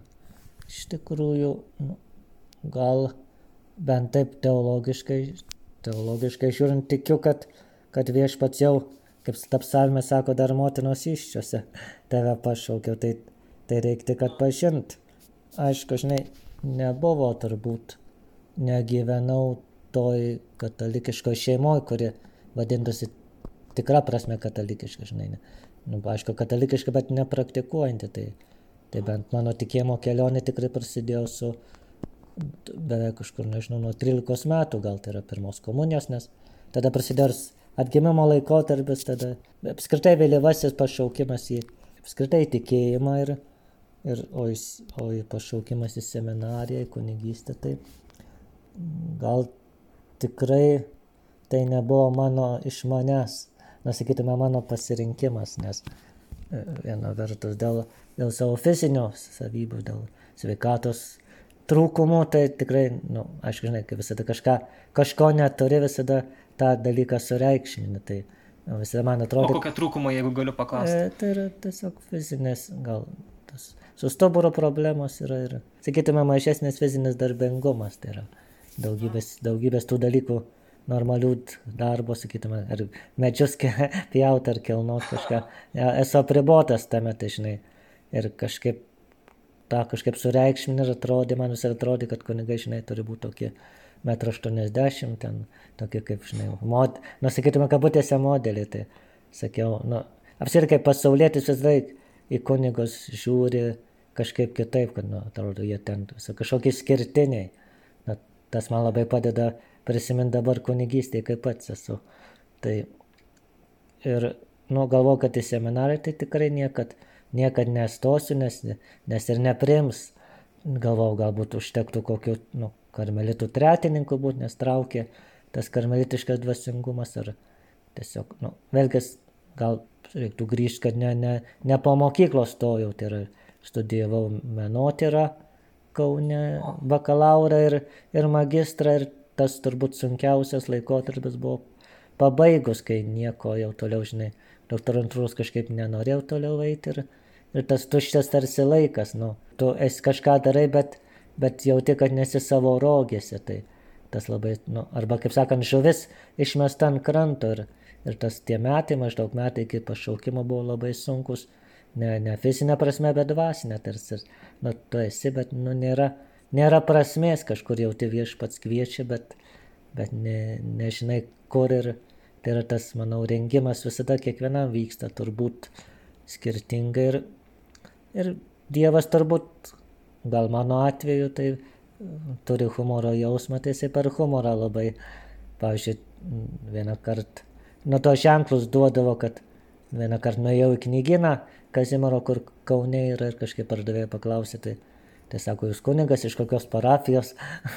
Sakau, kad aš ne kunigas. Ar, arba ten vienoj Palemono bažnyčioje berodos, berods po maldos grupelės ten tiesiog irgi stotelėje išėjau, laukiau ir tokia moteriškė, matyt irgi bažnytinė, sako, sako, aš tai išmeldžiu, išmeldžiu kad, būtų, kad būtų kunigais, tai sako, aš už tave melsiu, kad tu būtum kuniga, galvoju, tu čia atstok boba kokia. tai va tas, nu, žinai, tokie O tas, tas tikrasis gal, žinai, nu. Vėlgi buvo, pažiūrėjau, ai, dar tas svarbus įvykis, vėl kai buvau paštovoj pas seses karmelitės ir susitikimas su motinėlė Marija Juozapa tikrai nuostabiu žmogum, čia reklama. ir, nu, ir nes tiesiog norėjau būti tretininku, tai pasikalbėti kokios ten sąlygos ir, o jos su draugu savo buvau. Ir jos pirmas klausimas buvo, sako, ar nenorit būti kunigais? Net mūsų nepažįsta, nieko, nu. Sakau, ne, betgi kunigas tik ne tik prie altoriaus turi būti kunigu, bet 24 valandas čia nesakau, čia per daug jau man. Bet, nu, ir paskui tiesiog dirbau dar tokiam, nu, bažnytojo meno muziejaus skyriui dirbau, tiesiog tokį pusę etato ir tas mano draugas atėjo pas mane čia tiesiog taip aplankyti, pasišnekėti ir, ir kažkaip aš kalbėjau, paskui sakau, nu, o ką dabar tu man pasakysi ir jisai sako, nu labai taip paprastai, liaudiškai sako, tai nuo rodens stosime seminariją. Nu, žinai, galiu sakyti, kad, nu, koks čia, ką čia, kok, nu, pasijuokti ar kokias nesąmonės čia šneki, bet, bet ką viduj patyriau, manau, nu, tikrai tą išgyvenau kaip nu, Damasko įvykį, tai yra kaip nu, Pauliaus tarsi tą atsivertimą, kad, nu, kad viduje kažkas, nu, tarsi, tas, kaip žinai, būna čikš, tarsi dinamitas sproksta ir užtenka nukrenta ir staiga tampa viskas aišku, kad taip, kad, kad šitas kelias ir, nu, ir toks džiaugsmas pripildė, tada dažnai, aš kartu ir baimė, kad kaip čia ne, neparims, kaip čia reikės eiti pas vyskupą, pas rektorių, kaip baisu, bet iš tikrųjų toks džiaugsmas, kad atrodo, jog būtų rektorius pasakęs, kad va, primam šiandien, nu tą patį vakarą būčiau ir išėjęs. Tai, nu yra tas, nu tikrai manau, viešpats, viešpats tą, tą ir, nu kaip sakant, užkabino už to ir, ir ta prasidėjo tikrai. Ir sto... priėmė ir viskas tvarkoja. Taip ir stojo ir sakiau, nu, mm. ta, gal sudariau tokį sandėrį su Dievu, sakau, sakau, Dieve, jeigu nepriims, tai, nu, tai suprasiu, kad tu nenori. Sakau, jeigu priims, vadinasi tavo noras, tai va, tai va priėmė ir tikrai, va, die, dėkui Dievui dar šešti metai, dar, dar kunigas esu. Tai, tai tikrai. Taip, šešti metai ir tu turėjai, buvo tavo parapija Ukmergės, dabar e, Šiluva, Raseiniai dar buvo po Ukmergės ir, ir, ir dabar Šiluva, taip. Na, pro, sakykime, provincija. Ir tu gimęs augęs e, Kaune, e, dabar provincija. At, iš vienos pusės gal tau ar nenuobodu provincijai, bet va, girdėjau pačio pradžioje, kad sakai, kad tu daug darbo turi, labai būna tikrai tokių dienų, kai, kai nusikalęs, e, vaizdžiai kalbant. Tai tada galiu paklausti, kokia būna tavo vat, eilinė, kaip kunigo diena, vat, iš ryto atsikeli ir, ir vakarinį mėgot, ką tu per tą dieną vat, vidutiniškai, ką spėjai padaryti, kas, kas spėjai nuveikti. Tai gal pradžiai tą tavo, kad esu miestietis, tai taip, iš tikrųjų miestas suformavo mane ir nežinau, gal ar tris ar keturis metus širdį, širdį maiš, ką kalbėjai apie paklusnumą, tai širdį buvo maištas, kad man reikia ne Kaune būtų į tą, į tą provinciją važiuoti. O va čia noriu paklausti, ar gali kuningas atsisakyti, sakyti, ne, aš nenoriu, palikit mane Kaune. Pagal, pagal viską turbūt gali, aišku, bet tai yra, sakytume, nėra gero tono ženklas. Tada jau viskas turbūt žiūri, kad, nu, kad tau ne visai... Tada gali paklus... užsisėdėti viską. Ne visai paklusnusis ir kad, sakys, atei vis dėlto atėjai, na, tu esi šachmatų lentoj vienas, vienas pėstininkas tik tai, jeigu, nu, nes vis tiek, jeigu kilnoja, tai kilnoja dažniausiai po penkis, po dešimt.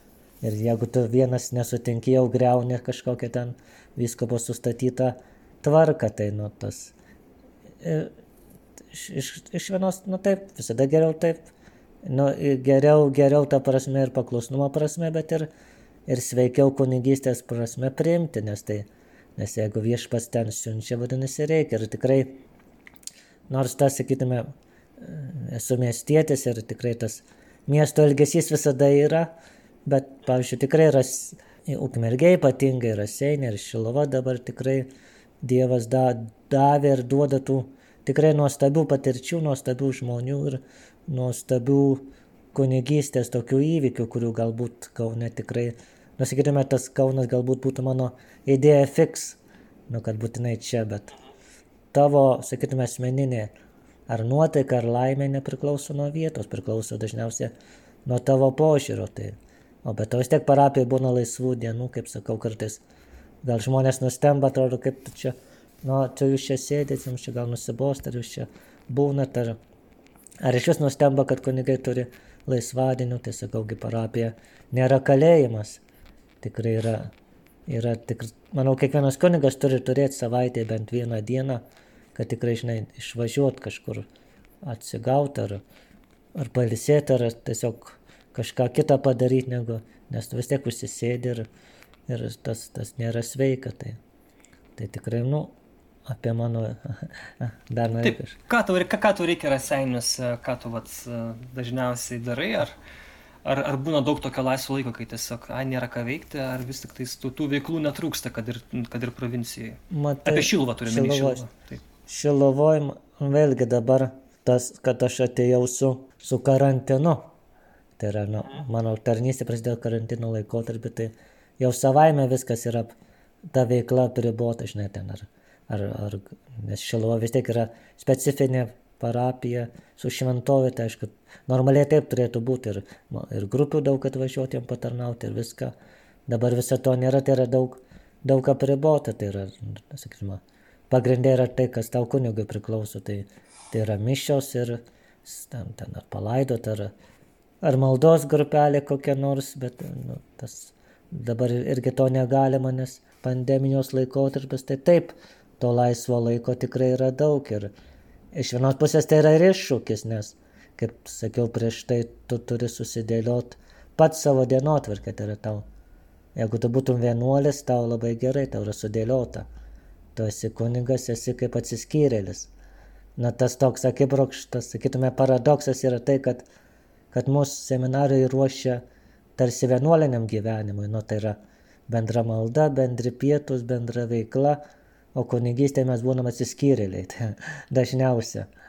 Na ir tada tai yra atsakomybė, kad tu pats turi susidėliot, ką, ką pažiūrėjau veiksi, gali, gali arba pragulėti lovoje visą dieną, ar Facebook'e prasidėti, ar kažką prasmingo padaryti. Tai dažnai ne visada pavyksta, bet tikrai stengiuosi, kad, tai, kad būtų tas prasmingas laikas.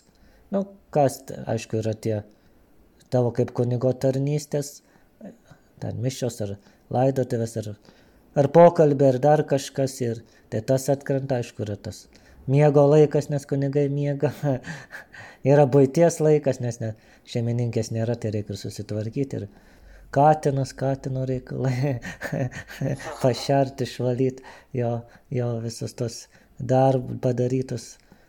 Tai ir šiaip aišku tavo, tavo maldos laikas tikrai, tikrai stengiasi išnaudoti asmeniniai maldai nes tai pamačiau, kad tai yra svarbu, vien tai, kad aš atlaikyčiau, sakytume, toj, nu, vis tiek dvasiniai kovo, jeigu kalbėtume jau tais teologiškais dalykais ir, ir, ir tai, kad tu galėtum paskui kažką išmintingo parašyti, pas, pasakyti į Bernardinus pavyzdžiui, tai turi būti paskaitęs ir knygų, ir, ir apmastęs laikę, tame tai, nu, tai yra, nėra problema, yra galbūt problema tai, kaip tu pats ar ką, ką tu, kaip tą laiką išnaudoji. Tai, tai tikrai kartais tų iššūkių kyla, nes nu, visada aišku, ar nebūna nuotaikos, ar, ar, ar taip kažkas tingis ir nesinori, ar oras prastas, tai, tai bet, bet taip, taip tikrai yra tas, tas, tas laikas, dabar tos karantinės laikas tikrai yra rekolekcinis laikas. Tai. Nieko... Būna, kad, taip. Ar būna, kad užknisa parapiečiai arba klebonas, kad taip norisi, eikit jūs visi toliau, aš noriu ramiai savo vienas pabūti kur nors. Tai aišku, labai dažnai tas, na, ne iki tokio lygio, kad jau ten juos pasiūstum, bet tiesiog tas kartais žmonių, na, toks, ar ateina iš pažinties, ar ateina kažkur ir matai, kad ten visai kažkokias nesąmonės, nu, kalba, ar ten kažkokias, e, sakytume, kosmosus apie apie, ne, ne apie tėvus, bet apie visokius ten. Nu, tas tokias smulkmenas sureikšmina, kad kartais tikrai yra. Nu, normalu, turbūt kiekvienoje parapijoje būna tos povandeninės rovės, tai simpatijos, antipatijos ir tos pasidalinimai karo laukais, kas kas už kleboną, kas už prieš kleboną, kas už vikarą, tai tave irgi bando kažkur įtraukti, tai, tai bet, nu, tas tenkėsi tiesiog priimti kiekvieną žmogų ir, nu, tas matai, vėlgi, gal to nepaminėjau svarbiausio dalyko, kad kad esu vikaras, tai yra daug ką. Taip, klebono pagalbininkas. Taip, ir daug ką keičia tuo, kad, kad bent, nu, nežinau, turbūt lietuviško katalikybė tai yra tai, kad, kad klebonas yra uh, carė bok viešpats ir caras. Tai yra, nu, nu jis už viską atsakingas, pradedant nuo, nuo mišių intencijų, sakytume, baigiant stogais ir, ir vis čia, aišku, atskira tema apie, apie delegavimą savo darbų, bet taip, tai vikaras yra tiesiog kaip aš sakau, dažnai prisistatydamas parapijai kitai, aš sakau, esu tam, kad, kad melščiausi ir mylėčiau jūs. Už blogą, aišku, klebonas parapijai atsakingas, už gerą gal vikaras, čia kaip juokauju, bet nu, tai yra tavo labai mažos atsakomybės, nes tikrai klebonų yra labai daug, Sak, sakau, šitoje lietuviškoje katalikybės formoje, nes jisai turi ir, ir mokesčiai, ir jeigu stogas ten keuras, ar kažką, pat, ar ten kažką žvakės užsakyti, ar, ar kilimus pakeisti, ar, nu, žodžiu, viską, viskas atsakingas už viską klebonas, tai jam tikrai, tikrai, manau, jeigu padarytum įrašą su kokios parapijos klebonu, turbūt kardinaliai priešingai išgirstum visus reikalus, kad, kad jam trūksta laiko, trūksta laiko maldai ir kažką tai. Paminėjai keletą tokių tų piniginių reikalų, tai gal apie pinigus dabar pereikim. Dar viena labai smagi tema. Arūnas Facebook'e klausia, kiek asmeninių pinigų per mėnesį gauna kunigas. Tai konkrečiai tu, paprastai sakant, kokia alga? Eh, tai turbūt visos problemos bažnyčioje yra, kad tos algos nėra. Na tai yra, nėra nustatyta, kad na, tas koks ten, kiek ten tas skaitosi. Valstybė tas minimumas 500 ir kažkiek ten. Nu, ta prasme, kad bažnyčia neturi tokio kaip minimumo, tai yra atlygis už tavo patarnavimus, tai yra dažniausiai mišių stipendijos, tai yra ką žmonės užsakydami mišestą, jeigu tu tą dieną aukoji už, pažiūrėjau, už Simoną ir Simonas ten paukojo tau 20 eurų, tai, tai 20 eurų tada jis tau. Ir paskui, aišku, yra, yra tie visi ar laidotuvės, ar kiti patarnamai, krikštai ten, jau klebonas paskirsto, kiek ten parapijos, kas eina, kiek kunigui tai yra. Nu, žodžiu, nuo kiekvienos turbūt parapijos atskirai yra. Klebonas vienaip gauna, vikaras kitaip. Tai ką aš manau, kad tas vikarų vidurkis, kad jau taip savęs ne, ne, neišskiriant, tai yra, manau, nuo, nuo, nuo 800 iki 1000 vikaras gauna. Klebonas. Normali, nu, kaip Taip, palyginus kaip, vien, kaip vienam žmogui, ar ne, visai taip, normali. Taip. Tai yra palyginus, nu, ką, ką manau, nu, Lietuvoje gal tas, į, kodėl yra tas posakis, kad nu, čia, čia akmenį savo daržą dabar metu mūsų kunigų, bet ne vienas kunigas iš bado ne, nemirė ir nemirs. Tai, nes liet, nepaslaptis, kad Lietuvoje kunigai dauguma, turbūt yra, aišku, tų kaimo parapijos gal tikrai prastai išsilaiko, bet didžioji dalis, manau, virš to vidutinio lygio tikrai gauna pajamas. Tai iš vienos pusės gal nu, yra turbūt tas toks, toks ir papiktinimas žmonėm galbūt dėl to. Tai net nežinau, kaip, koks tas turėtų būti sprendimas, nes kiekviena šalis vis kitaip.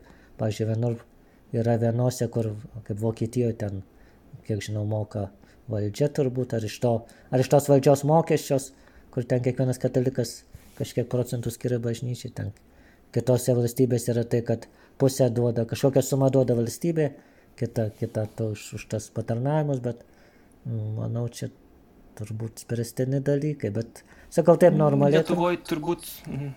Lietuvoje tai yra, turbūt yra, yra tektų keisti konstituciją, aš, aš manau, nes, nes, nes Na, turbūt valstybė nėra... niekada, niekada neduos, bet, bet galbūt, nežinau, ar turėtų būti suvienodinta ar kažkaip, nu, Nu, čia, čia aišku, ne mano sriti, žinai. Ne. Džiaugiuosi, kad gauna ir nesiskundžia. bet, bet yra, kad, tarkim, mažesnių ten kaimų parapijų kunigai vikarai gauna ten mažesnės sumas, jam galbūt pritrūksta, o ten miestų populiaresnių parapijų jie tenais taip, maudosi tas, piniguose. Aišku, yra tas... tas yra taip, jeigu, pažiūrėjau, nėra, nėra mišių kokiuose kaimo parapijose, nu, nėra tų stipendijų kartu, ar ten laidotuvės tik kartą į mėnesį, nu, normalu, kad taip tikrai yra daug mažiau tų. tų nu, tai tas gal iš vienos pusės tokia gal ir neligybė gaunasi, nes tarsi ar miesto, ar šventovių parapijos, kurios geriau gyvena, jau savaime jau kunigui gali daugiau skirti tą auką, o, o mažesnių parapijų yra jau, jau sunkiau. Tai va tas, nu, tos irgi diferenciacija savotiška gaunasi bet būna, kad e, kažkaip viskupijos e, paremia, kažkiek tam paukoja tiem vargigesniem kunigam, kaip teko girdėti. Ar, ar ne, ar nėra tokių? Tiesiog stipendijos yra, pažiūrėjau, viskupija turist kažkokį susur, ar per atlaidus surinka mišes, ar kažką, ir tiesiog turi stipendijų ten, sakytume, banką, jeigu taip liaudiškai kalbant, ir tada kunigas gali eiti prašyti iš to. Pavyzdžiui, aš sakyt, aš neturiu stipendijų, tada sakytume, viskas skiria už 20, 30 iš jų tau duoda. Nu, ten po, po 20 eurų arba kažkiek, sakytume. Čia viskupė nustato ir, ir tada, nu, tada už tas, tas stipendijas tauko ir ta suma jau tau tada ateina. O tada paklausiu, gerai, tu paminėjai tą vidutinį vikaro atlygį, o koks yra tada vidutinis tokio gerai pasiturinčio populiaraus klebono atlygis? O, čia jau tikėjimo, pas, tikėjimo paslapti, nes klebonas tikrai ne.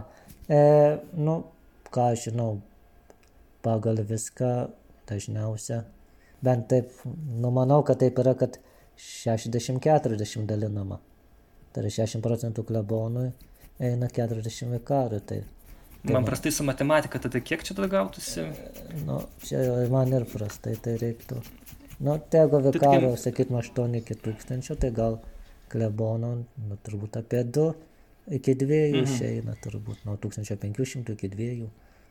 Tai čia jau galima gyventi jau visai gerai. Nes jeigu vis tiek klebonui dar santukos ar kažkas paprašo palaiminti ar, ar pašventinti būtą ar vis, tik, visi kiti dalykai, tai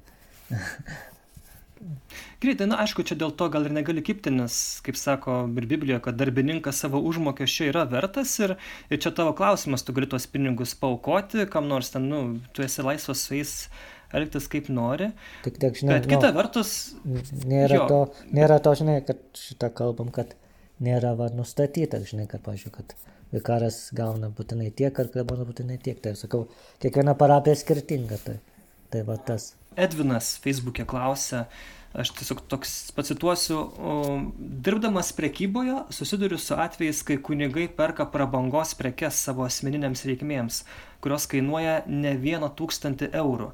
Kaip suprantu, kunigo gyvenimas turėtų būti paprastas ir prabanga jis neturėtų išsiskirti. E, kokia šio klausimu yra oficiali bažnyčios nuomonė ir, ir ką apie kunigus prabangos mėgėjus e, mano pašnekovas. Tai Tai gal pirmiausia, ta bažnyčios kokia pozicija apie...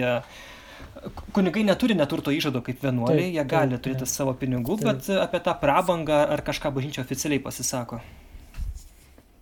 Ar oficialiai nežinau, bet aišku, yra, nu, aišku, kalba ir popiežius, ir, ir viskupai, ir, sakytume, kiti dvasios kažkokie tėvai, kad tikrai tas, na, apskritai ne, nenorėčiau skirti sakyti, paim, paim plačiau, nes ar, ar kunigas, ar, ar sakytume, to, kaip pasaulietis, tai yra, turbūt yra ta saikingumo darybė kiekvienam iš mūsų. Yra. Tai yra, kad tuos daiktus, kuriuos mes perkam, jeigu jų tikrai reikia, tai jeigu tu esi pasaulietis ir, ir sakysi, nu, nori Lamborghini ir perkiesi, tai manau, kad galbūt ir, irgi nėra jau čia nėra sėkingumo darybė. Nes gal tai yra tarsi savo statuso parodimas, savotiška puikybė. Iš vienos pusės tai, manau, ir kunigų atveju tai yra, turėtų vis tiek naudotis tą sėkingumo darybą. Tai yra kaž, kažkokį daiktą perku, nu, nes, na, aišku, ten jo reikia, bet ar, ar tikrai būtinai turiu kažkokį prabangų, sakytume, ar, ar būtinai, ar kunigui reikia kvepalų ten už, už 60 ar 200 eurų sakytume, kvepalų reikia, kad, bet ar, ar tikrai tokių prabangių, ar ten kokio laikrodžio Rolexo, ar, ar auksinio plunksnako čia, ar nežinau, švark, kokio kostiumo už tūkstantį eurų, tai nu, nu čia jau skaitosi ta, žinai, sėkingumo darybės ne, nebuvimas. Tai, tai nereiškia, kad turi pirkti kažkokią sugedusią mašiną seną, padėvėtą, kad neįsiskirti ir nepapiktint, nes tai irgi būtų kažkokia veidmainystė, bet, bet žiūrėti tikrai tai, kad ir ir naudos ir kainos santykis tikrai, kad ne, ne, ne, savęs kažkaip ne, neįskirti iš tų. Tikrai kunigui, manau, tikrai nereikia tos didelės prabangos. Yra reikia tiek, kiek reikia, ar, ar sveikatos priežiūra, ar, ar kažkokį ten daiktą nusipirkti niekas nedraudžia, bet, bet taip, kaip, kaip klausytojas sako, taip tikrai ta turi būti proto, proto ribose, nes nes turbūt mm, nesvarbu, ar kunigas, ar, ar kitas žmogus, jeigu jisai vis tiek, manau, jeigu perka prabangos dalykus, tai jis tiesiog nori parodyti, kad gali. Sakytume, savo, savo statuso įtvirtinimas, tai, bet tai, tai nėra, nėra krikščioniška. Tai va. Ir turbūt paskutinis klausimas e, šitoje tinklalaidėje. Ačiū dar kartą visiems, kurie tuos klausimus uždavė. Džiugas dar e, klausė apie pamokslus kokios tos technikos ir metodikos kokias kokiomis tu naudojiesi jeigu naudojiesi besiruošdamas sekmadienio arba kitokiems e, pamokslams jeigu kalbant tų technikų atžvilgiu tai aš esu labai ne, nekompetitingas, nes aš jų nenaudoju. Ne, tai turbūt mano pavyzdžio, mano pavyzdžio nereiktų sekti. Tai yra, žinau, kad taip kartais sakoma, tas yra tiesioginis ruošimas, žinai, ten pas, pasiskaityti savaitę, apmastyti ten, ten susirašyti, ten paskaityti laikraštį ir ten, nu, tų patarimų daugybė yra, bet Bet jeigu aš, pavyzdžiui, rašau, parašau pamokslą, jeigu aš jį skaityčiau, pirmiausia, tai manęs paties nekabina ir tai nu, ne, neužkabina manęs ir tai nėra gyva. Ir, e, tai mano, gal ką, ką aš įvardinau savo pačiam, tai yra gal toks nuotolinis ruoš, e, arba kaip ten sako, permanentinis ruošimas. Tai yra, nu, tai, ką tu, kaž, ar skaitai knygas, ar kažką, ar filmą kokį pamatai, ar kažką sužinai, tai yra, nu, vis tiek tau eina į smegeninę ir, ir paskui šventosios dvasios pagalba tau išeina per pamokslą, nes kaip aš tai aš tiesiog, nu, sakytume, jeigu sekmanio evangelija, tai tai aš ją persiskaitau, bet, nu, kažkokius akcentus, akcentus gal susidėlioju, bet tikrai ne, nedarau, kaip, sakytume, tas manęs neveša, kad jeigu ten, kad pradžioj pasakysiu tą, tada nukreipsiu dėmesį į tą, tada užbaigsiu tuo, tai, nes man tai paprasčiausiai manęs nekabina ir, ir tai būtų negyva. Dažnai būna, kad net, pažiūrėjau, sėdint mišiose prieš perskaitinius tiesiog ateina mintis, kad va šitą reikia pasakyti. Tai tiesiog nežinau, kaip pavadinti, tokiu gal ir, ir kartu ruošimasis, ir kartu leidimas, kad viešpats tai, tai kas yra manį sudėta, kad viešpats tai panaudotų, bet, bet vėlgi, žinai, čia aišku, manau, viešpats yra davęs tą talentą turbūt, turbūt talentą kalbėti, talentą rašyti. Ir, ir aš to biški, už to pasislepiu, žinai. Nu, nu, sakytume, tai, tai toks savotiška tinginystė, nežinau, kad vis tiek kažką pasakysiu ir su Dievo pagalba kar, kartais ir gerai pasakau. E, tai galbūt... nesirašai niekada pamokslų jo, kaip suprantu, ar ne? Šiaip raš, nu, nu, rašau, rašau, rašau tam savo blogui, kaip čia lietuviškai tink, tinklaraščiui. Turiu. Jo, primink pavadinimą to tinklaraščio. Kaip ten Robert, Pastorbonus, atrodo, Robertas Pastorbonus. Ir primenu, kad taip pat tu, tu rašai gerus tekstus į Bernardinai LT, taip, tikrai kviečiu, kviečiu skaityti. Per Marijos radiją galima mane girdėti. Pamokslą, nu, sakau, žvaigždė. 31 dieną, jeigu mėnesį turi 31 dieną, tai man visada būna per Marijos radiją pamokslas. Mhm. Tai manau, iš tikrųjų nėra tos tais, ką dėl pamokslų, tai nėra tos taisyklės. Manau, kiekvienas turi atrasti savo, savo būdą, kuris jį užkabintų, žinai, manau, kas svarbiausia ir kas, kas nežinau, turbūt ir mane užkabina, ir, ir bent tikiu, kad žmonės užkabina, tai jeigu kunigas sako pamokslą, jeigu tas pamokslas yra jam pačiam įdomus, žinai, jeigu, nes tada, nes aš pats pajuntu, jeigu man, aš pirmiausia sakau pamokslą savo, nu, sakydamas kitiems iš tikrųjų aš sakau savo, nes tai, ką norėčiau girdėti, tai, kas man įdomu. Sakytum, gal egoistiška, bet, bet jeigu įsivaizduoju taip, kad jeigu tai man įdomu, jeigu tai mane užkabina, tai turbūt užkabins ir kitą.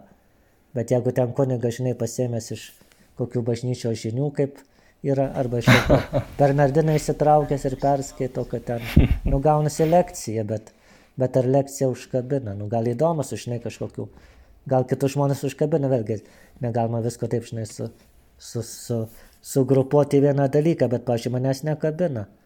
Manęs nekabina paskaitos, kur skaitomos iš lapų, bet ir tuo labiau pamokslas, kur, žinai, sakoma papunkčiui, užkabina tai, kas gyva. Tikrai, e, kas man pamokslų net ir pavyzdys buvo, yra, čia gal jūs Vilniečiai nelabai žinot, bet tie, kurie Kaune, tai yra studentų bažnyčia ir tėvelis Mervytautas Merkys, jezuitas. Jo pamokslai buvo labai... Ne, neteko. Klausytis. Tai sakau, Vilnius, Vilnius nežinomas, bet Kaune, Kaune mm. žinoma, tai yra... Jo pamokslai buvo, sakykime, tie vaizdeliai iš gyvenimo dažniausiai, kadangi jisai daug metų uh, Ukrainoje tarnavo, tai dažniausiai Evangelija perteikdavo pavyzdį iš Ukrainos, kaip ten kažkas buvo. Nu, atrodo paprasta ir nieko, bet tai, ir tas kunigas taip nuoširdžiai išneka, ir kad tai, tai atrodo kaip kažkokia gražiausia, geriausias pamokslas. Tai, tai va, sakytum, man buvo laikas, kada to vienintelio kunigo galėjau pamokslus klausyti, nes, nes kitus dažnai įsijungia kritinis mąstymas. Tai čia ne taip sako, čia ne tas, čia, ta, čia profesinė lyga, žinai, tokia yra. Tai kaip, kaip muzikantas kitų nelabai gal kartais gali klausyti, taip ir taip. Ir, tai, va, tai tikrai manau kiekvienas, svarbu, kad tikrai būtų nuoširdu, ką aš stengiuosi ir kad turbūt kiekvienas kunigas tikrai stengiasi, kad tai būtų nuoširdu gal gal kartais per daug, per daug galvojama, kaip ten kitus, ar čia paliesi, ar nepalies, nu, turbūt reikėtų klausti, ar tai mane palė. O ką aš kaip kunigas, ką man šitą evangelija sako. Manau, reikia nuo to atsispirt. Nes jeigu dažniausiai mes kunigai kartais pažiūrim, ai čia, nu, čia kalba apie tą, apie tą, apie tą, čia žmonės turbūt užkabins tas, tas, bet, bet kur aš, nes ir mane turi Evangelija užkabinti. Ir tas, žinai, jeigu manęs neužkabina, tai, tai turbūt, turbūt ir kito neužkabins, nes, tai, nes turbūt tie visi, ar apaštalai, ir visi pamokslininkai garsieji, turbūt pirmiausia traukdavo ne tai, ką jie sako, bet tas jų, žinai, numatosi, kad tai yra tikra, ką jie kalba, kad tuo gyvena. Tai, tai va tas tokio nuoširdumo turbūt svarbu. Tai va. Tai ačiū tau, Robertai, už, už nuoširdumą šiandien. Ačiū tau, kad tai tau, tau palinkėsiu, kad... tai linkiu tau taip pat to užsidėgymo ir, ir, ir to tikrumo ir, ir, ir nuoširdumo šitoje tavo tarnystėje. Tai buvo Šilovo švenčiausiosios mergelės Marijos gimimo parapijos vikaras, kuningas Robertas Urbanavičius, e, Bernardinai LT tekstų autorius. Na, kalbėjom apie tai, kokios tos įdomios, galbūt kasdien plikakimi nematomos kunigystės pusės, džiaugsmai ir problemos. Ilgokas gavosi, ilgoka tinklalaidė, bet aš, man pačiam buvo tikrai įdomu ir manau, kad viliuosi, kad, kad ir jums. E, neprailgo, na, o aš Simonas Bendžius atsisveikinu galite e, susirasti visus mūsų ciklus tinklalaidžių, įvairių e, vaizdo reportažų ir laidų ir tekstų. Tai Bernardinai LT nueikit ir paskui paspauskit skilti ciklai ir ten rasit visą. Taip pat ir ciklą tai, ko neišgirdai per pamokslą. E, šį ciklą remia spaudos radio ir televizijos rėmimo fondas. Na, o dabar galim nebent dar kažko palinkėti. Tai Robertai, gal tada kaip nors užbaig gražiai, galbūt ko palinkėtum savo, savo broliams kunigams, kurie tikiu šitą tinklalaidę klausėsi, susėmė už galvos ir sakė, ką iš čia prišnekėjo. tai dabar nuramink juos ir paguosk. Ne, mes, ne, mes kitą akmenų į mane. Jo. Na, tai iš tikrųjų, nu, gal kaip aš skaičiau, va, kaip tu Facebook'e paskelbėjai, kad pavadinai mane jaunu ir gražiu, tai ačiū. nu, čia. Nors kai kas parašė. Kūno sudėjimas toks. Parašė, panašus. kad už tave, už tave aš vyresnis, tai, bet tai nesvarbu. Ten labai jau taip kiti rimtai, paži, nu, tikrai pažiūrėjau, tai manau, priim tiesiog kaip, kaip bičiulišką pokalbį, tai tikrai ne, ne, nei pagal pareigas, nei pagal, nei pagal norus, tikrai neturiu tiesos monopolio ir galbūt ir net nėra taip, kaip aš sakau, tai yra tiesiog mano nuomonė ir tiesiog džiugu, džiugu būti bažnyčioje ir tik turbūt džiugu, džiugu kalbėtis, nes kuo, kuo daugiau kalbėtumės, ypatingai kunigai tarp savęs, pasauliečiai su kunigais tikrai galbūt tų problemų bažnyčioje būtų mažiau. Tai va tikrai ačiū tau, kad, kad kalbini, kad yra, tikrai tas, ir, tas yra svarbu. Manau, gal bus įvesi tradiciją ir, ir su kunigais kitais, ir su klebonais, ir gal su viskup, viskupą kokį prikalbinsi. Tikrai būtų smagu išgirsti įdomu viskupo kasdienybę iš viskupo varpinės, nes, nes kiekvienas mes žiūrim iš savo varpinės ir galvom, kaip ten yra, o dažnai būna visai kitaip. Tai, tai tikrai dėkoju ir svarbiausia, kad vienas už kitą melstumėmės ir, ir suvok, kad, kad nesam konkurentai, bet esam vieno, sakytume, vienoj firmoje dirbam visi dėl vieno tikslo, dėl, dėl Jėzaus Kristaus karalystės. Tai va. Amen. Amen. Amen. Ačiū, Simona. Dėkui, Robertai, ir atsisveikinu su klausytojais ir žiūrovais. Iki.